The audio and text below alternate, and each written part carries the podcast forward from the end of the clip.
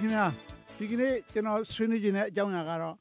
မြန်မာနိုင်ငံရဲ့ဒီမိုကရေစီရခင်နဲ့ယခုဆိုတော့ခင်ဗျာပထမဦးဆုံးဖွဲ့စည်းပုံချင်းနှိုင်းရှင်တဲ့ထင်ပါတယ်လွတ်လပ်ရပြီးခါစားကျင်းသုံးခဲ့တဲ့ဒီမိုကရေစီအခြေခံတဲ့ဖွဲ့စည်းပုံနဲ့အခု NLD ခေတ်ဒီမိုကရေစီအခြေခံတဲ့ဖွဲ့စည်းပုံချင်းကတော့အတော်လေးကွာမယ်ထင်ပါတယ်ဆရာအဓိကဘာနှိုင်းရှင်လိုပါလဲဆရာအင်းခုအဲဟိုကတော့ဟိုနိုင်ငံတည်ထောင်မှုလုပ်ထားတဲ့ဥပဒေကိုဗျာဆိုတော့ စပြီးတော့ဒီမျောလင့်ချက်တွေအများကြီးရှိတာပေါ့ဗျာအခုလက်ရှိဥပဒေကတော့ဟိုစစ်တပ်ကသူ့အခန်းကဏ္ဍဆက်လက်တည်မြဲအောင်လုပ်ထားတဲ့ဥစ္စာဆိုတော့မတူဘူးပေါ့ဒါပေမဲ့အဲ့ဒီကိနဲ့ဂုကိနဲ့မှာဟိုဗမာနိုင်ငံရေးမှာအဓိကမပြောင်းမလဲကြံနေတာပုဂ္ဂိုလ်ရေးပေါ့ဗျာနိုင်ငံရေးတဲ့ပုဂ္ဂိုလ်ရေးကအဓိကဖြစ်နေတာပေါ့ဆိုတော့ဒီအဲ့ဒီပုဂ္ဂိုလ်ရေးရှိနေတဲ့အတွက်ဒီဒီမိုကရေစီစနစ်ပေါ့ဒီမိုကရေစီဆိုတာကျင့်စဉ်ပေါ့ဗျာ စနစ်တစ်ခုတည်ထောင်ပြီးရင်ဒီစနစ်အတိုင်းလုပ်ရမယ်ဆိုတော့မှန်တာမှားတာလေဒီစနစ်အတိုင်းပြင်ရမယ်ဆိုတဲ့ဥစ္စာပေါ့ဗျာအနောက်နိုင်ငံမှာလည်းရှိတယ်ဒီဒီဒီမိုကရေစီစနစ်ကြောင့်ဒီခေါင်းဆောင်ဟိုတင်မိတယ်ကိုတင်တဲ့ခေါင်းဆောင်မဟုတ်တာလို့လေကိုခံပေါ့ဗျာဒီနောက်ကြမှာတစ်ပြည့်တဲ့အခါကျမှသူ့ဖြုတ်ချပေါ့ဗျာဆိုတော့အဲ့ဒါမျိုးဒါပေမဲ့ဒီစနစ်ကညမကြည်နာပြီနဲ့ကိုလှုပ်ထားတဲ့အတွက်ဒါလက်ခံရမယ်အဲ့ဒါ ဒီမိုကရေစီသဘောတရားပဲဆိုတော့ဒီဟာကိုဘလောက်ထိအောင်ကျင့်သုံးနိုင်လဲဆိုတာဒီဒီမှာရှိတဲ့နိုင်ငံရေးအင်အားစုတွေကလောက်ကြတာပေါ့ဗျာဗမာပြည်မှာတော့ဒီပုဂ္ဂိုလ်ရေးကအဓိကဖြစ်နေတယ်ဗျာဒီဖတ်စဖလာကိတ်ကလည်းပုဂ္ဂိုလ်ရေးပဲဘိုးကျောင်းအောင်ဆန်းလွတ်လပ်ရေးကြိုးပမ်းတော့ကလည်းဘိုးကျောင်းအောင်ဆန်းပုဂ္ဂိုလ်ရေးပဲဆိုတော့ဒီပုဂ္ဂိုလ်ရေးတွေလုပ်တဲ့အတွက်ဟိုပါတီနိုင်ငံရေးတောင်ပြီးပြီးမလုပ်နိုင်ဘူး ဟုတ်ကဲ့ဆိုတော့အဲ့ဖွဲ့စည်းပုံကတော့စစ်တပ်ကအာဏာတည်မြဲလှုပ်ထားတယ်ပေါ့အခုတော့တိုင်းရင်းသားတွေရဲ့အခွင့်အရေးနဲ့ပတ်သက်ကြရင်ကဘယ်လိုရှင်းမလဲဆရာဟိုတုန်းကဖွဲ့စည်းပုံမှာတိုင်းရင်းသားတွေအခွင့်အရေးပူပေးခဲ့လေသလားအခုဖွဲ့စည်းပုံမှာကောဘာများပို့ထူလာသလဲအဓိကဒါလည်းပဲမြန်မာနိုင်ငံရဲ့အရေးကြီးတဲ့ပြဿနာတရားဖြစ်နေလို့အခုအခြေခံဥပဒေမှာတော့ဒီပြည်နယ်အစိုးရဆိုပြီးတော့ပေါ်ပေါက်လာတယ်ပေါ့ဗျာဒါပေမဲ့ပြည်နယ်အစိုးရဘလောက်လုံးပိုင်ခွင့်ရှိမလဲတော့မသိဘူးပြည်နယ်မှာလည်း အစိုးရကိုစန့်ကျင်တဲ့တိုင်းရင်းသားလက်နက်ကိုင်ရှိတယ်အဲတော့ဒီဒီနယ်အစိုးရရောတိုင်းရင်းသားလက်နက်ကိုင်နဲ့ဘယ်လောက်ထိအောင် accommodate လုပ်နိုင်မလဲကျွန်တော်မြင်တာတော့ဒီ NLD အစိုးရအခုသူ့မှာလုံနိုင်စရာတွေအများကြီးရှိတယ်ပေါ့ဗျာဥပမာဆိုစီးပွားရေးရှိမယ်ပေါ့ဗျာပညာရေးရှိမယ်ကျန်းမာရေးရှိမယ်ဒီဘက်ကအင်တန်ယုံရင်းပျက်စီးနေတော့ဒါတွေကိုဇောက်ချမလုပ်ဘဲနဲ့ ကိုမနိုင်တဲ့ဒီတိုင်းရင်းသားကိစ္စသွားလုပ်တဲ့အတွက်ဟိုမနိုင်မနှင်းဖြစ်နေတဲ့သဘောပေါ့ဗျာအဲ့လိုပဲမြင်ရတယ်ပြောဗျာဆိုတော့လွတ်လပ်ရေးရပြီးသားဒီမိုကရေစီအဲ့ဒီခေတ်မှာလည်းပဲတိုင်းရင်းသားတပုံတွေတိုင်းရင်းသားပုံကံမှုတွေတိုင်းရင်းသားအပြင်ဝါဒရေးအရာပုံကံမှုတွေကွန်မြူနစ်တို့ရဲဘော်ဖြူလို့ဆိုတာရှိခဲ့လို့ပဲရောင်စုံသဘုံတော့ခေါ်ခဲ့ပါတယ်ဆရာအဲ့တော့အဲ့ဒီခေတ်ကဒီသဘုံထားတဲ့အနေထားနဲ့အခုအနေထားရောဆရာဘယ်လိုနှိုင်းရှင်လို့ပါလဲဆရာ အဲ့ဒီတော့ကလည်းကျွန်တော်မှတ်မိသလောက်တော့ဒီသဘုံထားတဲ့အခြေအနေရောက်တော့အောင်တွန်းပို့လို့လည်းဖြစ်သွားတာပေါ့ဗျာဆိုတော့ဘာလို့လဲဆိုတော့အစိုးရကလည်းဖွဲ့ကစားမကြသေးဘူးဒီမိုကရေစီအတွေ့အကြုံကလည်းမရှိဘူးမရှိတဲ့အတွက်လက်နဲ့အားကိုးပြီးတော့လှုပ်တဲ့အခါမှာဥပမာဆိုရင်ဒီပါလီမန်ဘောင်ထဲမှာအတိုက်ခံလှုပ်ခွင့်မပေးနိုင်ဘူးပေါ့ဗျာအဲဒီလိုလှုပ်ခွင့်ပေးနိုင်ရင်တော့တမျိုးတမီဖြစ်သွားနိုင်တာပေါ့ဆိုတော့အဲလို အဲ့လောက်ထိအောင်လည်းမရင်ကျက်ဘူးဆိုတော့ပုဂ္ဂိုလ်ရေးတွေကများတော့ဖမ်းမယ်စီးမယ်ထောင်ချမယ်ဆိုတော့လုတ်ပိုင်ခွင့်မရှိဘူးပေါ့ဗျာအဲ့ဒါနဲ့ကောင်းဆောင်ပိုင်းကိုအဲ့လိုလုတ်တော့တော့ခုကြတာပေါ့ဒီကရင်ကိစ္စမှာလည်းဆွေးနွေးတဲ့ဥစ္စာတွေက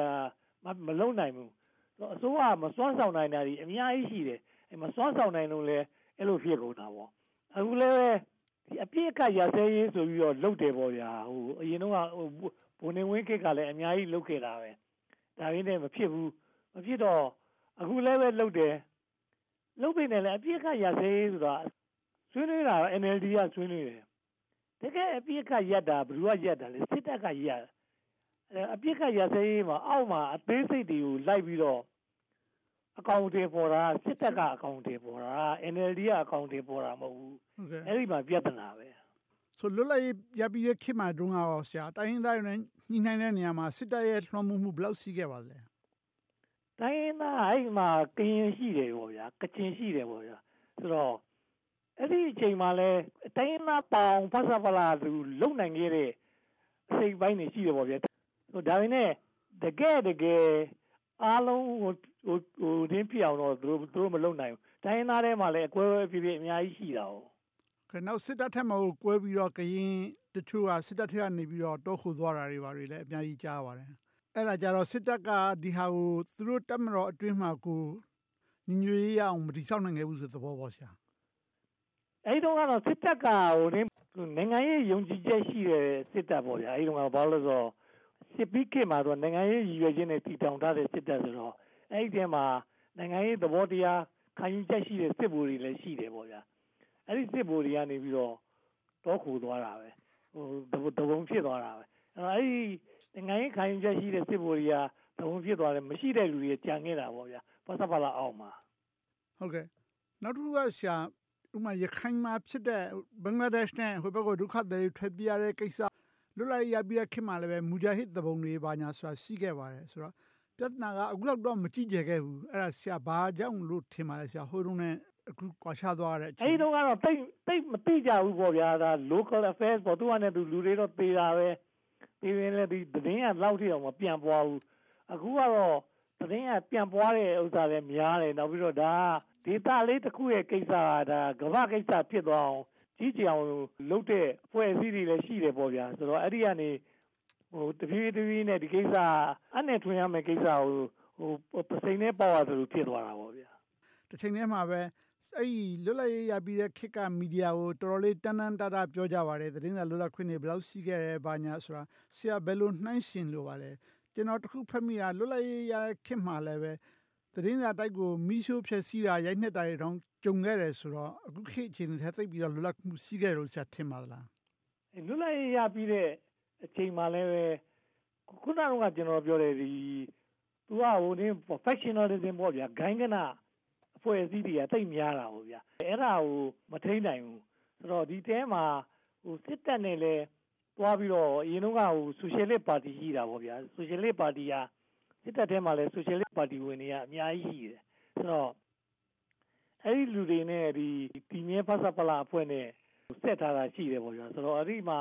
ဝေဘာနဲ့သတင်းစာလိုက်ဆိုဝင်ပြီးတော့ရိုက်ချိုးမယ်ခွဲမယ်ပေါ့ဗျာအဲ့ဒါမျိုး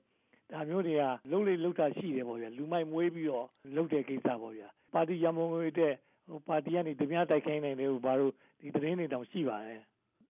ဟုတ်ကဲ့ဆရာအဲ့တော့လွတ်လပ်ရေးရပြီးခေတ်မြန်မာနိုင်ငံရဲ့ဒီမိုကရေစီနဲ့အခုလက်ရှိဒီမိုကရေစီတနည်းပြောရင်ဖဆပလာဒီမိုကရေစီနဲ့ NLD ဒီမိုကရေစီအတူတူပဲလားသူတို့အခုခေတ်မှာပိုတွတ်တက်လာလားပိုပြီးဆုပ်ယုပ်သွားတယ်လားဆိုရင်ဆရာဘယ်လိုပြောမလဲဆရာဒီဥစ္စာတော့ပြောရခဲ့တယ်ဗျာဘာလို့လဲဆိုတော့ဒီ လွတ်လပ်ရေးရခါစားမှာဒီမိုကရေစီရှိတယ်ဆိုတာစစ်တပ်ကတော့အယက်သားရဲ့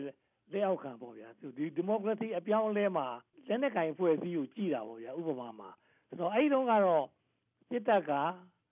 အစိုးရလက်အောက်မှာရှိတယ်လို့ပြောနိုင်တယ်ဆိုတော့အယက်သားလက်အောက်ခံအခုကတော့အယက်သားလက်အောက်ခံမဟုတ်တော့ဘူးမဟုတ်တဲ့အတွက်ဒီမိုကရေစီအဆင့်မှာတော့အဲ့လွတ်လပ်ရေးရကစားပိုတာတယ်လို့ပြောနိုင်တာပေါ့ဘာလို့လဲဆိုတော့စစ်တပ်က ခေါင်းဆောင်မဟုတ်ဘူးအစိုးရရဲ့နောက်လိုက်ပဲဖြစ်ရမယ်စစ်တပ်ကခေါင်းဆောင်ဖြစ်နေရင်ဒါဒီမိုကရေစီမဟုတ်တော့ဆိုတော့ဗမာပြည်မှာအခုစစ်တပ်ကခေါင်းဆောင်တစ်ပိုင်းဖြစ်နေတာဟုတ်ဗျာဟိုဖြစ်ရမှာစစ်တပ်ကိုလွတ်တော်နဲ့အုပ်ချုပ်ရေးအောက်မှာထားဖို့လိုတယ်အဲလွတ်တော်နဲ့အုပ်ချုပ်ရေးအောက်မှာစစ်တပ်ကိုဘယ်လိုထားမလဲဘယ်လိုကြီးကြပ်မလဲဆိုတာအဲ့ဒါဟိုစဉ်းစားဖို့ပေါ့ဗျာအဲ့တော့အဲ့လိုမဟုတ်ဘဲနဲ့ စစ်တပ်ကလွတ်တော်အောက်ကိုမရောက်ဘူးအရသားအောက်ကိုမရောက်ဘူးပဲပဲနဲ့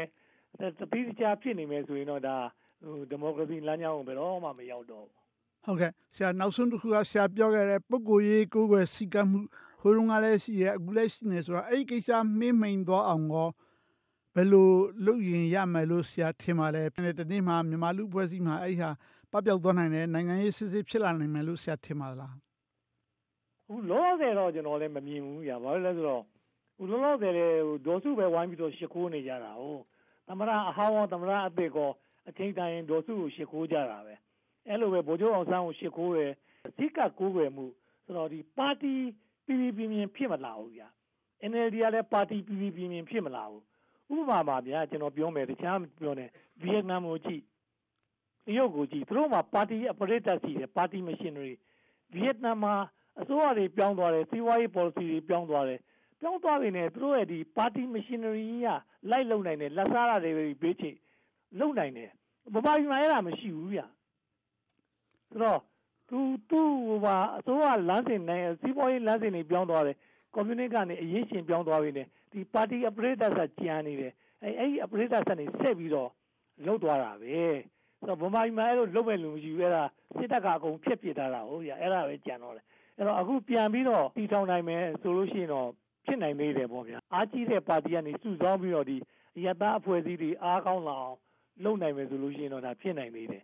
အဲ့ဒါမဟုတ်ရင်တော့စီးနဲ့ကားနဲ့လုံနိုင်တာစစ်တပ်ပဲရှိတာဟုတ်ရဲ့အဲ့တော့အချိန်တိုင်းစစ်တပ်ကလာအုပ်သွားအောင်ပါပဲ